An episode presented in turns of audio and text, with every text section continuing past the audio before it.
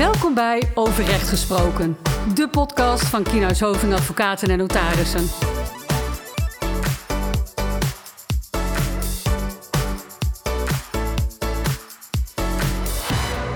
Welkom bij een nieuwe podcast. Een onderdeel van de podcastserie WMCZ 2018, deel 3 alweer. Er staan namelijk al twee podcastafleveringen over de WMCZ 2018 online. Namelijk over de good governance en de medezeggenschapsregeling.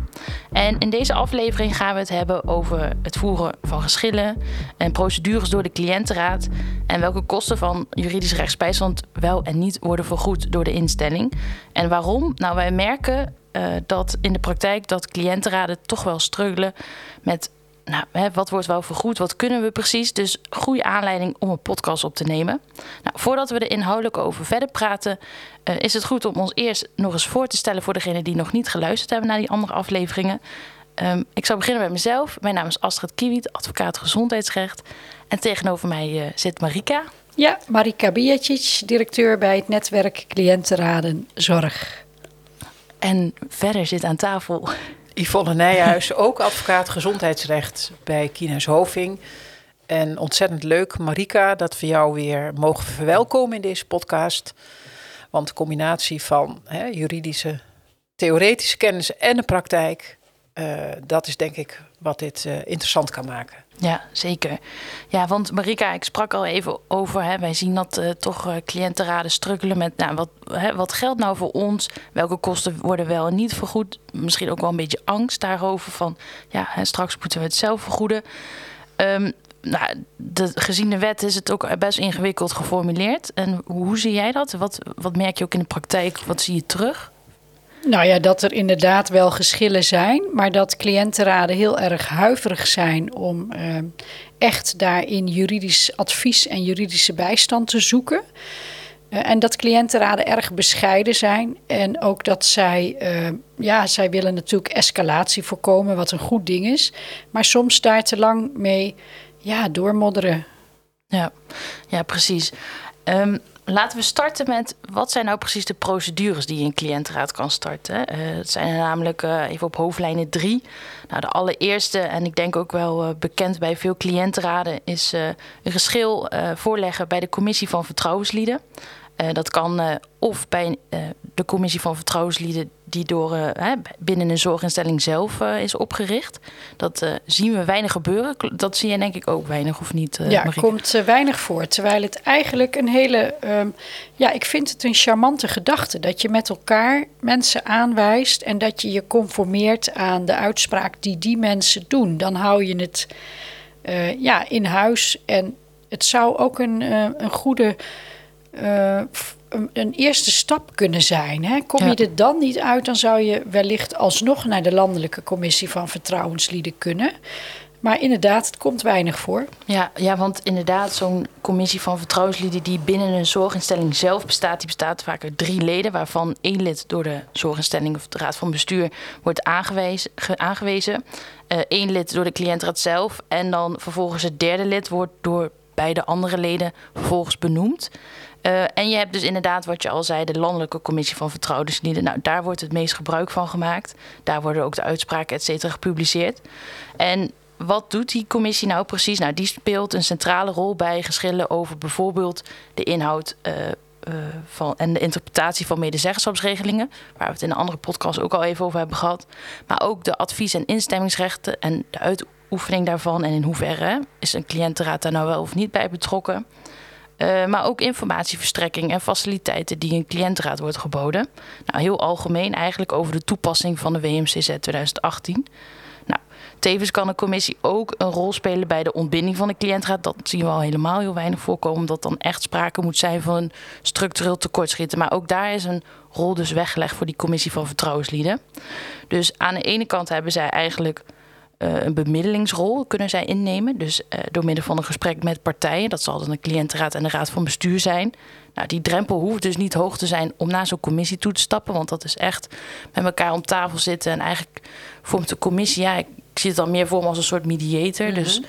hè, dus op die manier kijken van wat is er aan de hand en hoe kan het opgelost worden structureel. Maar komt dat, ik heb het gevoel dat, dat, dat daar minder gebruik van eh, wordt gemaakt, van die bemiddelende rol van die vertrouwenscommissie. Hoe zie jij dat, Marika? is ook een nieuwe, het is ook eigenlijk een nieuwe rol. Nou, die commissie is eh, in het verleden opgericht door verschillende partijen. Eh, de naam zegt het al, hè? vertrouwenslieden, vertrouwenscommissie. Dus eigenlijk was het doel volgens mij vooral die bemiddelende functie en die adviserende functie en voorkomen dat het tot een juridisch traject komt. Uh, nou, in de loop der tijd is dat toch wel weer wat meer ook richting uh, juridische trajecten gegaan. En nu is daar toch weer heel expliciet genoemd het bemiddelen en het adviseren. Maar dat is voor de commissie ook een nieuwe rol. Ja. Ja, want naast dat bemiddelen hebben ze nog steeds de rol die ze voorheen ook al hadden, de geschilbeslechting. En dat zal dan plaatsvinden door middel van een hoorzitting, waarna ongeveer na drie maanden ongeveer een, uh, nou ik zeg wel heel vaak ongeveer, maar dan een uitspraak volgt en die is ook bindend. En nou ja, op het moment uh, dat die uitspraak is, dan kan vervolgens ook een beroep worden gegaan bij de ondernemingskamer in Amsterdam. Dat kan zowel door de cliëntenraad als uh, door, door de instelling, dus door de raad van bestuur zelf. Dus dat is in ieder geval één mogelijke procedure die een cliëntenraad uh, nou ja, kan starten of waarin zij betrokken kan worden. Ja, want, want de, de ondernemer kan ook die procedure Precies, starten. Hè? Ja. Dus uh, kan beide kanten op. Ja. Nou ja, dan hebben we daarnaast de, hè, de governance commissie zorg. Yvonne, jij hebt daar natuurlijk ook al uh, redelijk veel ervaring mee met, met die, ja. die gang. Ja, dat is de governance commissie zorg. Niet altijd even bekend, denk ik ook, bij cliëntenraden, dat dat ook een stap kan zijn. En dat heeft ermee te maken dat die uh, cliëntenraden ook expliciet in de uh, governance code zorg worden genoemd. Als een van de stakeholders hè, waarmee uh, bestuur en toezicht te maken heeft. En wat je ook steeds meer ziet, is dat cliëntenraden expliciet als een soort van orgaan van de zorginstelling worden genoemd in de statuten. Nou, dat maakt dat als uh, je de cliëntenraad ziet als onderdeel van de governance, daar hebben we natuurlijk al eerder hè, een podcast over gehouden, dan kan het ook zijn dat de governance, of hoe ga je met de cliëntenraad om in zijn algemeenheid, uh, dat dat een onderdeel kan zijn van een geschil. En dat bedoel ik als volgt. Bij de commissie van vertrouwenslieden, dan gaat het meer over de inhoud van het advies of het, de instemming en wat daar niet goed is gegaan. Maar bij de governance gaat het er meer over, is er bijvoorbeeld een bestuurder die structureel die cliëntenraad negeert of uh, adviezen niet voorlegt of voorgenomen besluiten niet voorlegt of op een bepaalde manier met de cliëntenraad of de ondernemingsraad of dat maakt niet uit dan is dat een onderwerp om aan de governance commissie voor te leggen. En inderdaad heb ik daar wel uh, een paar keer procedures over gevoerd en ook wel met succes voor cliëntenraden. En wat je ziet is dat dat nou ja, dan ook voor, voor, ook voor bestuur en toezicht goed werkt. Van hé, hey, hoe zit het eigenlijk? Of dit wist ik eigenlijk helemaal niet dat dit zo werkte. Dus het is een, uh, ja, een vrij laagdrempelige procedure. Uh, die gebruikt kan worden, ook door de cliëntenraad. En die ook tot een vaak wel werkbare uitspraak uh, leidt. Nou, als een bestuurder of een toezichthouder zelfs ook zich niet aan die uitspraak houdt, die in principe bindend is, dan kan dat gemeld worden bij de brancheorganisatie waar die betreffende zorginstelling lid van is. Bijvoorbeeld Actis, als het om ouderenzorg gaat. En dan kan Actis beoordelen: hé, hey, jij hebt deze uitspraak uh, opgelegd gekregen um, en je houdt je er niet aan, ik schors jou als lid. En dat heeft ermee te maken dat de governance code zorg, het hanteren daarvan, het toepassen daarvan, een lidmaatschapsvereiste is van de aangesloten brancheorganisaties bij de brancheorganisatie, de BOZ, hè, de brancheorganisatie zorg. Dus het heeft ook wel degelijk impact en gevolgen. En ja, het niet houden aan zo'n uitspraak, dat staat ook gewoon naar buiten. Hè. In, in het publiek staat dat niet goed. Um, en het niet houden aan zo'n uitspraak kan tevens een aanleiding zijn voor de inspectie om het daarover te hebben in, uh, in, in gesprekken, in toezichtgesprekken. En als het nou echt helemaal te bond wordt, maar dat zien we echt niet vaak, dan zou dat een opmaat kunnen zijn voor de enquêteprocedure. bij het gerechtshof in Arnhem, uh, Amsterdam. Ja. Ja, want Marika, zie jij veel voorkomen dat cliëntenraden de weg naar de governance commissie zorg uh, weten of... Um, nee, dat zie ik niet veel voorkomen, maar ik zie wel heel veel voorkomen dat ze het zouden, in mijn ogen zouden moeten doen of zouden kunnen doen. Uh, ik zie veel voorkomen dat er um, ja, op een bepaalde manier over cliëntenraden wordt gedacht en met cliëntenraden wordt omgegaan. En dat cliëntenraden daar weliswaar onvrede over hebben en zich bij NCZ melden hè, met vragen daarover, maar dat ze niet die stap zetten om inderdaad naar die governance uh, commissie zorg te gaan. Wat zou daar een reden van kunnen zijn?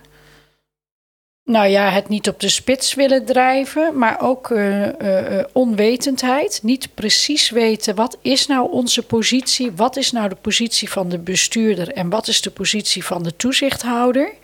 Dus ja, daar is voor ons werk in te doen om dat goed uit te leggen. En ja, wat ik al zei, cliëntenraden zijn bescheiden, willen de communicatie graag goed houden. Dus ja, die stap is best groot. En deze podcast kan denk ik goed helpen om uh, ja, dat allemaal wat duidelijker te maken. Ja, en misschien ook die drempel wat te verlagen. Want die is in principe ook laag. Hè? Yvonne zei het ook al. Een uh, governance commissie, uh, een procedure daar. Dat is natuurlijk een stapje minder ver al dan een enquêteprocedure aanhangig maken. Dat gaat natuurlijk alweer wat verder. Dus het is in principe ja. wel een laagdrempelige manier om toch nou ja, misschien je vragen beantwoord te krijgen en nou ja, het een en ander helder te krijgen. Want nou, hebben, we hebben dan die enquêteprocedure al een paar keer laten vallen. Ja, precies. De enquêteprocedure bij de ondernemingskamer, dat is natuurlijk wel een forse stap die je zet. En dat geldt niet alleen voor een cliëntenraad, maar voor iedereen, hè, aandeelhouders of bestuurders of ondernemingsraad. Uh, de vraag is of een ondernemingsraad het ook kan, terwijl ik dit hardop zeg. Maar het is een forse stap om te doen, want wat betekent het starten van een enquêteprocedure? Dat betekent dat je de ondernemingskamer vraagt om een onderzoek te doen naar mogelijk wanbeleid. En als daarvan sprake is, dan kun je vragen om maatregelen te treffen in de onderneming. Maar van wanbeleid is uh, echt niet snel sprake. Nou, hoe, even kort hoe zo'n procedure loopt. Eigenlijk twee fasen. Je begint met een verzoek uh, in te dienen, een verzoekschrift om vast te stellen of er gegronde redenen zijn om aan een juist beleid te twijfelen. Nou, dat, dat begint dan met schriftelijke bezwaren ten aanzien van het beleid. Uh, eerst kenbaar maken aan de Raad van Bestuur en de Raad van Toezicht. En dan moet aan de Raad van Bestuur of Raad van Toezicht een termijn worden gegund om die bezwaren ook te onderzoeken en eventueel maatregelen te nemen.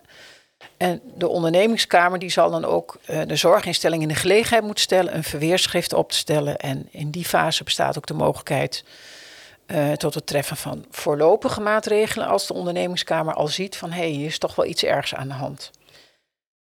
Na toewijzing van dat verzoek, hè, die eerste fase, als er dus gegronde redenen zijn om aan een juist beleid te twijfelen, dan kan de ondernemingskamer ook één of meer personen benoemen met bevoegdheden om onderzoek te doen naar het beleid.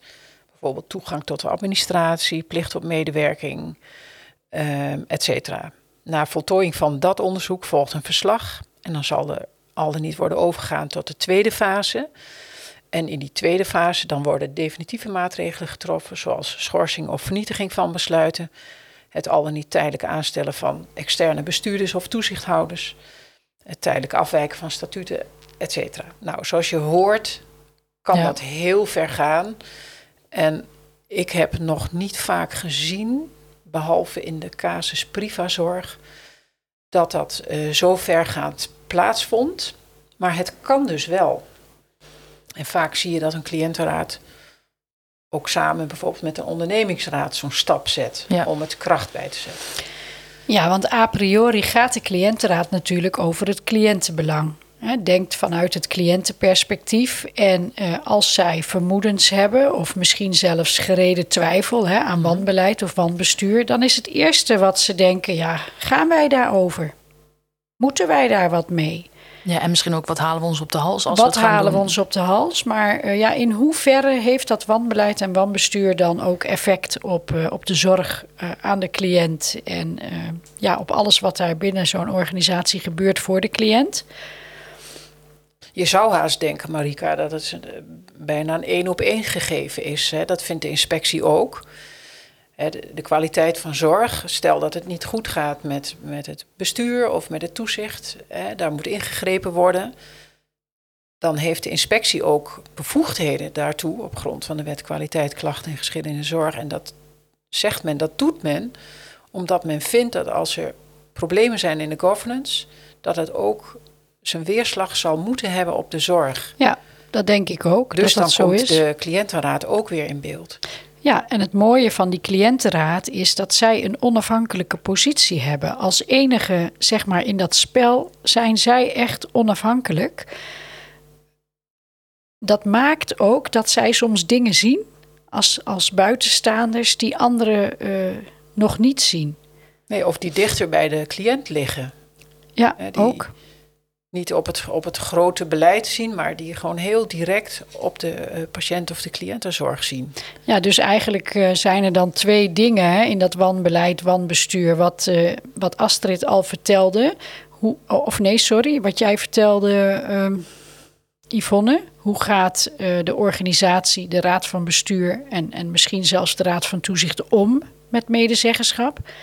In dit geval cliëntenmedezeggenschap. Dat is natuurlijk ook een vorm van uh, ja, beleid, bestuur, good governance. En aan de andere kant, wat doet de organisatie nog meer in dat beleid en bestuur?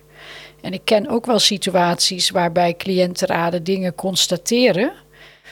Uh, en heel erg twijfelen van moeten we daar wat mee, moeten we daarmee naar die uh, governance commissie, want gaan wij hier wel over? Mogen wij hier wel wat van vinden? Ja.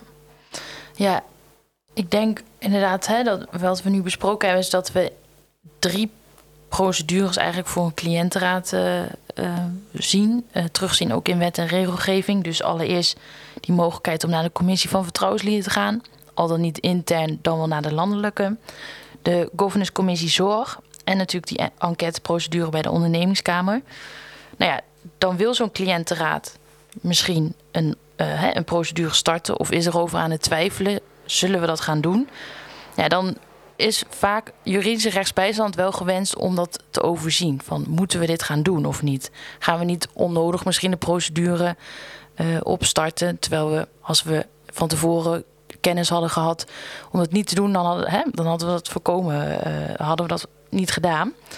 Nou ja, ook daar zien wij dus in de praktijk wel vragen van ja, wat valt er wel onder, wat wordt wel vergoed door de instelling, wat komt voor onze eigen rekening. Nou, in de oude wet, dus voor de inwerkingtreding van de WMCZ 2018, daar was het eigenlijk vrij helder. Daar was ook jurisprudentie. En misschien voor sommigen bekend, dat er was eh, een uitspraak van, over lunetzorg. En daar was eigenlijk bepaald naar alle kosten, voor zover redelijk nood, redelijkerwijs noodzakelijk, die komen voor vergoeding in aanmerking.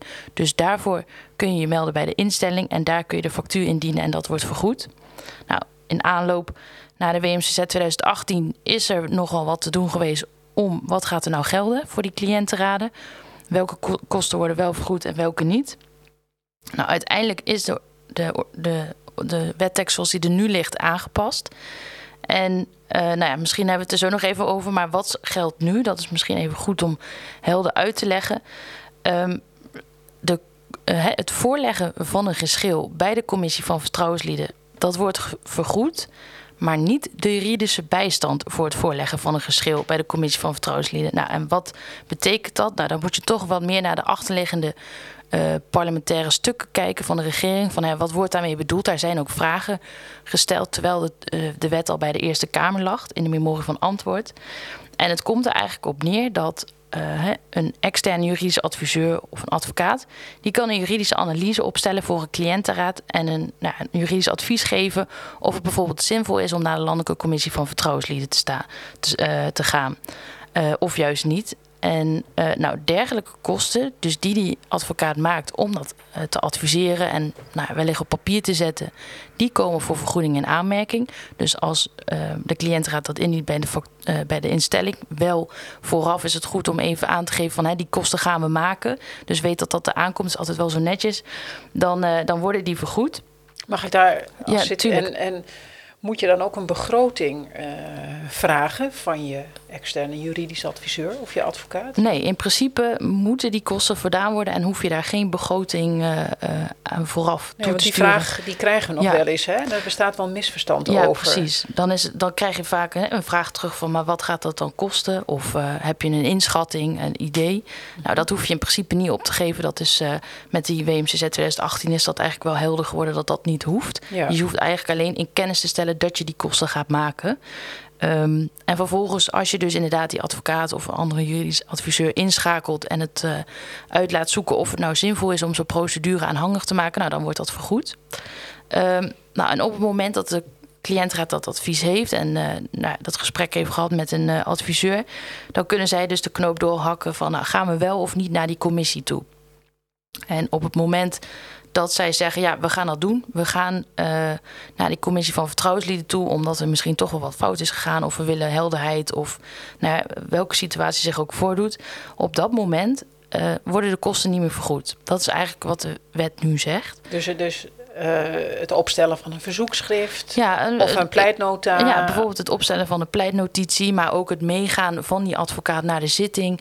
Dat zijn uh, dus kosten die niet meer worden vergoed door de instelling. Althans, uh, dat staat in de wet. Je mag natuurlijk altijd vrijwillig afspreken, uh, bijvoorbeeld in je medezeggenschapsregeling, of uh, alsnog op dat moment met de, met de raad van bestuur van, nou, wij betalen wel die kosten voor jullie. maar dat is dus gewijzigd en dat is op hoe op dit moment de wet luidt. Um, er zijn wel een paar uitzonderingen op, maar voordat we daarop ingaan. Marika, jij hebt hier natuurlijk bent ook bij betrokken geweest in een vroeg stadium. want in één keer bleek uh, in juni, juli 2018 dat die wet werd aangepast. Hè, dus dat uh, die kosten van het voorleggen uh, niet meer vergoed werden. Dus het meenemen van die advocaat, maar ook het maken van een pleitnota. Jij bent daar hè, namens NCZ natuurlijk ook bij betrokken geweest en je hebt je daar hard voor gemaakt. Kun je misschien daar nog eens verder over toelichten? Ja, in mijn, uh, in mijn beleving is er hier sprake van rechtsongelijkheid. Dat heb ik ook uh, in een brief geschreven aan de uh, Kamer en aan het ministerie. Vervolgens ben ik bij het ministerie op bezoek geweest, bij de wetschrijvers. En zij hebben mij uitgelegd, ze hebben het mij als volgt uitgelegd. We willen graag dat die commissie laagdrempelig is. dus dat je daar gewoon zelf naartoe gaat samen met het bestuurslid de directeur waarmee je het geschil hebt. Dus kom zelf ter zitting. Stuur je een advocaat in plaats van zelf te gaan, dan loop je het risico dat die zaak onnodig verjuridiseert en dan is het ook heel moeilijk bemiddelen voor die commissie. Dus zo heb ik het uh, begrepen, zo leg ik het ook uit. Maar um, ja, dat die pleitnotitie bijvoorbeeld niet vergoed wordt, dat is natuurlijk nog steeds rechtsongelijkheid. Dan uh, vind ik dat een bestuurder of een directeur, hè, waar je dat geschil mee hebt lopen, of, of zaak, of nou ja, wat je maar wil weten, dan ook maar zijn eigen stuk moet schrijven en geen juridische bijstand moet uh, ja, gebruiken. Dat, dat zou wel gek zijn, toch, als je zo'n zitting hebt, dat de bestuurder een jurist of een advocaat meeneemt. Want ja, die kosten zitten automatisch, de vergoeding van die kosten, dat doe je gewoon uit het, uit het budget van de instelling. En de cliëntenraad uh, zit daar zonder advocaat of jurist. Ja, en dat kan natuurlijk helemaal niet. En die bestuurder Ja. is ervoor verzekerd, hè, heeft een rechtsbijstandsverzekering als het goed is. soms, niet altijd. Niet maar- altijd, maar in de meeste gevallen tegenwoordig denk ik wel ook gezien vanuit eh, de WKKGZ, hè, het aansluiten bij een geschillencommissie en het feit dat cliënten ook die kosten niet hoeven te dragen, maar dat die voor rekening van de organisatie komen, is het toch wel, denk ik zo, dat 95% van de organisaties een rechtsbijstandsverzekering hebben. En ja, de cliëntenraad, cliëntenraden zijn een onderdeel van de organisatie. Het zijn geen rechtspersonen. Dus in mijn beleving valt dat dan ook onder jouw rechtsbijstandsverzekering. Dus is het helemaal niet ingewikkeld om alsnog eh, ja, toe te kennen, die juridische bijstand of het gebruik maken van een adviseur. Ja, want dus inderdaad, ehm, in principe geldt dat voor het voorleggen van een geschilde juridische rechtsbijstand daarbij niet voor vergoeding en aanmerking komt. Ik noemde het al, daar zijn wel een drietal uitzonderingen op. Ehm, de eerste is dat op het moment dat de instelling, dus de Raad van Bestuur, besluit om naar de commissie van vertrouwenslieden te gaan. eh, en dus eigenlijk de cliëntraad verweerder is, dus zich moet verweren tegen het geschil wat de raad van bestuur daar neerlegt, dan worden die kosten juist wel vergoed.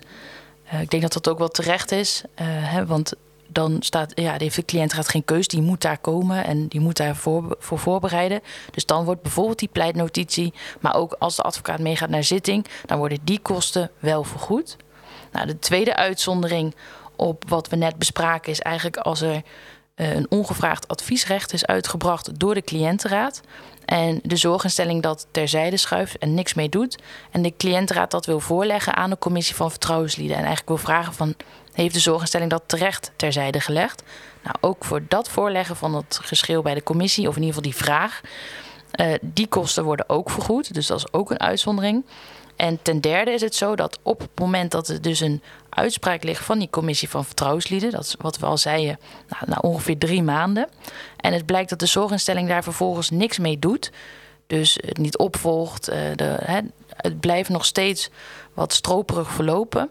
Dan kan de, de cliëntenraad in beroep gaan bij de ondernemingskamer. Uh, ja, eigenlijk bij het gerechtshof Amsterdam, maar dat is hetzelfde. Um, en dan uh, ook die kosten, dus, hè, om het, om, dus eigenlijk om dat gerechtshof te vragen van... ja, zorg ervoor dat die zorginstelling alsnog die uitspraak nakomt. Ja, ook daarvoor hoeft de cliëntenraad niet op te draaien... voor die kosten van juridische rechtsbijstand. Dus dat zijn eigenlijk drie uitzonderingen op die regel... die uh, in de WMCZ 2018 is bepaald ten aanzien van geschillen... Uh, bij de commissie van vertrouwenslieden. Ja, ik, als ik daar... Hè, ik hoorde jou zeggen, Marika dat vind ik ook best een goed punt. Van goh, laten we die uh, geschillenbeslechting bij de commissie van vertrouwenslieden niet onnodig juridificeren. He, daar, dat is een goede gedachte. Maar we bespraken net al, als de bestuurder of de instelling wel de jurist of de advocaat kan meenemen, heb je daar toch niet een gelijk speelveld. En als vervolgens de kosten van rechtsbijstand bij de ondernemingskamer in, in, uh, in hoger beroep, als het ware, hè, wel mhm. worden vergoed, dan zou ik zeggen, joh, vergoed die advocaatkosten bij de vertrouwenscommissie uh, of de commissie van vertrouwenslieden juist wel, want dan voorkom je dat het in hoog beroep gaat en je alsnog ja. daar de kosten wordt, ja. moet vergoeden en daar het geschil uh, neergelegd krijgt. Dat, ja. dat zou mijn gedachte zijn. Ja, in mijn beleving um, moet de wet aangepast worden op dit punt, zonder meer, maar dat uh, even terzijde. Um, je zou met elkaar op kunnen nemen in de medezeggenschapsregeling dat in, in het geval van een geschil en voorleggen aan de geschillencommissie, als de bestuurder daarbij gebruik maakt van een juridisch eh, adviseur, een jurist, een advocaat, dat de cliëntenraad dat dan ook mag. En dat die kosten vergoed worden door de organisatie. Zo zou ik het doen. Want ik vind het wel een goed uitgangspunt dat je daar zelf moet komen, maar ook als bestuurder. Ja, precies, daar zelf moet, moet verschijnen. Ja. Het kan niet zo zijn dat jij geen advies krijgt, maar daar zullen we het zo over hebben. Want er zijn natuurlijk andere manieren om dit toch uh, op te lossen. En dat die bestuurder wel met een uh, opgestelde pleitnotitie komt en met een advocaat ter zitting komt. Ja, ja precies. Ja, dus die kosten van juridische rechtsbijstand bij, de, hè, bij geschil voorleggen aan de commissie van vertrouwenslieden, ja, dat, dat werpt nog wel eens wat. Uh, het is een ingewikkelde, ja. ingewikkelde wettekst geworden ja. en ook ingewikkelde toelichting. Dus. Ja, en misschien moeten we het niet ingewikkelder maken dan het is. Hè. De meeste vragen gaan inderdaad gewoon over: hadden wij recht op uh, advies of instemming? Hebben wij recht op budget? Uh, nou ja, ja, dat zijn allemaal vragen die kunnen vrij simpel beantwoord worden door de commissie. Daar hoef je ook niet allemaal met uh, juristen te komen. Het gaat veel meer, denk ik, om, dat, om die analyse van tevoren. Waar gaat dit over? Hebben we nou echt een punt? Kunnen we hiermee naar de commissie? Of kunnen we dit op een andere manier oplossen of te weten komen? En als daar een goede, goede analyse en een goed advies ligt, dan is dat natuurlijk ook meteen een, een, een leidraad voor een pleitnotitie. Voor een eventuele zitting. Ja, ja, dus daar kan al heel veel opgelost worden en die kosten worden wel vergoed. Ja. Dus ja, als je dat weet, ja. zou het op die manier uh, toch goed moeten kunnen werken. Ja, en bovendien heb je ook recht op het in kunnen huren van een externe deskundige. En dat kan natuurlijk ook, ook een juridisch adviseur zijn. Ja, precies. En dan voor in die voorfase, hè, om het uit te zoeken van hebben we hier een punt en moeten we daar ook inderdaad mee naar de commissie van vertrouwenslieden gaan. Ja, en dan hadden we het net ook nog even over de governance commissie zorg. En de vergoeding van juridische uh, rechtsbijstand in dat kader. Ja, daar zien en lezen we eigenlijk nergens iets over, hè, Yvonne. Dat is... Nee, dat is uh, opvallend. In de wettekst niet en ook niet in de wetsgeschiedenis komt dit voor, hè, de governance commissie zorg. En dan zou ik zeggen, als een cliëntenraad het toch nodig vindt om naar die governance commissie te gaan dat ik dan naar het arrest van de Hoge Raad Lunet Zorg kijk, waar je het net over had, Astrid. En daarin staat, hè, als het redelijkerwijs noodzakelijk is om die kosten te maken, hè, om die gang naar de governance commissie te maken. En de kosten, de hoogte van de kosten, uh, dat is billig. Dan moet dat voor vergoeding in aanmerking komen. Ja. Dat, dat, ja, dan trek je, eigenlijk Ja, dan trek je het eigenlijk gelijk bij de ondernemingsraad in dat geval. Hè, als exact. die uh, naar de commissie, uh, governance commissie zorg zou gaan. Ja. ja. Ja, en voor wat betreft dan nog tot slot die enquêteprocedure. Uh, daarvan is wel expliciet in de WMCZ 2018 bepaald dat de kosten verbonden aan het indienen van zo'n verzoek uh, door een cliëntenraad uh, nou ja, moeten worden vergoed door de zorginstelling. En ook hier gaat het dan wel om dat die kosten redelijkerwijs noodzakelijk moeten zijn. En ook dat vooraf de instelling dus de raad van bestuur in kennis is gesteld dat die kosten zullen worden gemaakt. Maar ook hier geldt weer dat je dus niet met een begroting hoeft te komen of een schatting. Dat, uh, dat geldt dan niet. Nou ja, in de oude wet waren nog wat, uh, wat, wat, wat, wat rariteiten, zeg maar, om, om, die, uh, om dat enquêterecht heen. Bijvoorbeeld dat ook een organisatie van cliënten dat enquêterecht kon uitvoeren, waardoor organisaties nog alles overeenkomsten hebben gesloten met organisaties die dat dan zouden gaan uitvoeren. En op het moment dat een cliëntenraad komt gelukkig heel weinig voor, maar enkele keren is het voorgekomen dat cliëntenraden gebruik wilden maken van dat recht hè, en het, het enquêterecht uh, in wilden zetten en dat dat niet kon, omdat de organisatie een overeenkomst had gesloten met een andere partij. En daarom is in de WMCZ 2018 expliciet bepaald: dit is het recht van de cliëntenraad en ook van iedere cliëntenraad, lokaal, centraal. Dat is nog wel even goed om te noemen, denk ik. En uh, jij zei er net bij die uitzonderingen. Ja, om, om, wanneer je wel die kosten vergoed krijgt als je een ongevraagd uh, advies geeft over een instemmingsonderwerp. Dat is een heel mooi initiatiefrecht waarmee cliëntenraden invloed kunnen uitoefenen op zaken zonder dat ze überhaupt gevraagd zijn of dat de organisatie daarmee bezig is. En ik denk dat cliëntenraden en misschien ook zorginstellingen dat nog onvoldoende weten. Ja, je mag ongevraagd advies geven over een instemmingsonderwerp en dat advies kan niet zomaar terzijde geschoven worden. Ja. Dan kun je dus naar de commissie. De zorginstelling kan ook naar de commissie om. Uh... Ja, precies. Beide kunnen dan inderdaad naar de commissie. Of het terecht of onterecht is dat een ongevraagd uh, adviesrecht terzijde is geschoven of niet. Dat is een goede aanvulling, inderdaad, uh, Marika. En dan uh, ja, tot slot de tips. We hebben het natuurlijk gehad over de procedures en de kosten van rechtsbijstand. Het is denk ik goed om af te sluiten met een aantal tips. Um, nou, de eerste tip zal ik mee aftrappen, maar dat, uh, die bespraken we al even. En dat is, uh, nou, leg de vergoeding van rechtsbijstand goed en duidelijk vast in de medezeggenschapsregeling. De regeling tussen de cliëntenraad en de raad van bestuur. Is dat ook een verplichting?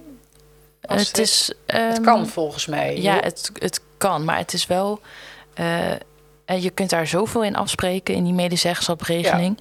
Dat, uh, dat ik inderdaad zou zeggen van nou, ja. leg het dan daarin vast, inderdaad. Nee eens. Uh, het is wat ik me herinner, geen wettelijke verplichting. Dat, je het, uh, dat gaat alleen over het aantal leden, et cetera. En dat, dat ja. niet met betrekking tot de vergoeding van rechtsbijstand.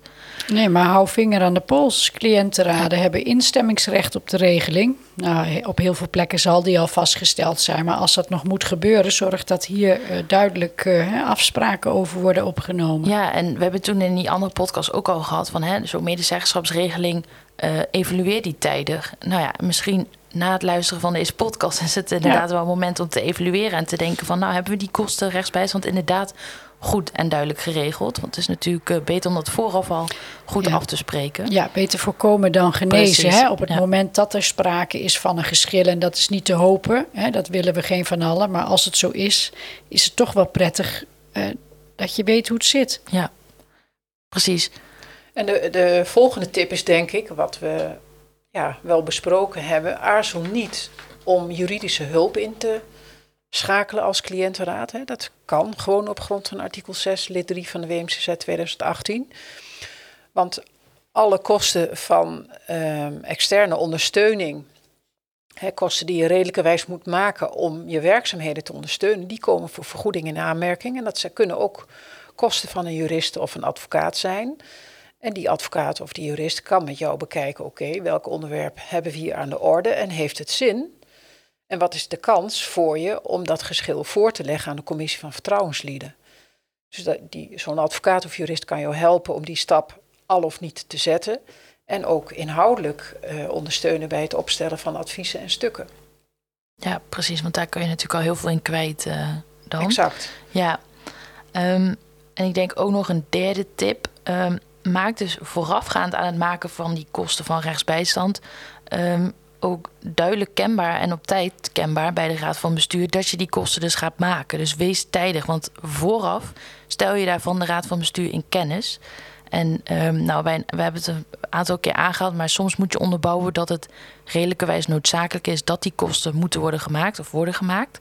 Nou ja, ook daar kun je natuurlijk ondersteuning bij vragen als cliëntenraad zijnde van, nou, om dat iets uh, verder te helpen onderbouwen.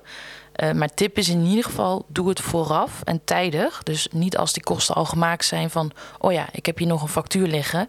Um, dus dat is ook wat in de wet staat... en ook denk ik wel goed om hier nog een keer aan te halen. Marika, heb jij nog een tip? ja, um, ik zou zeggen cliëntenraden, blijf niet te lang lopen met uh, vragen en met uh, ja, onbestemmig gevoel. Hè. Zijn we goed bezig? Ik zie dat, dat er heel veel uh, vergaderd wordt, overlegd wordt, heel veel tijd, heel veel energie. Het zijn allemaal vrijwilligers.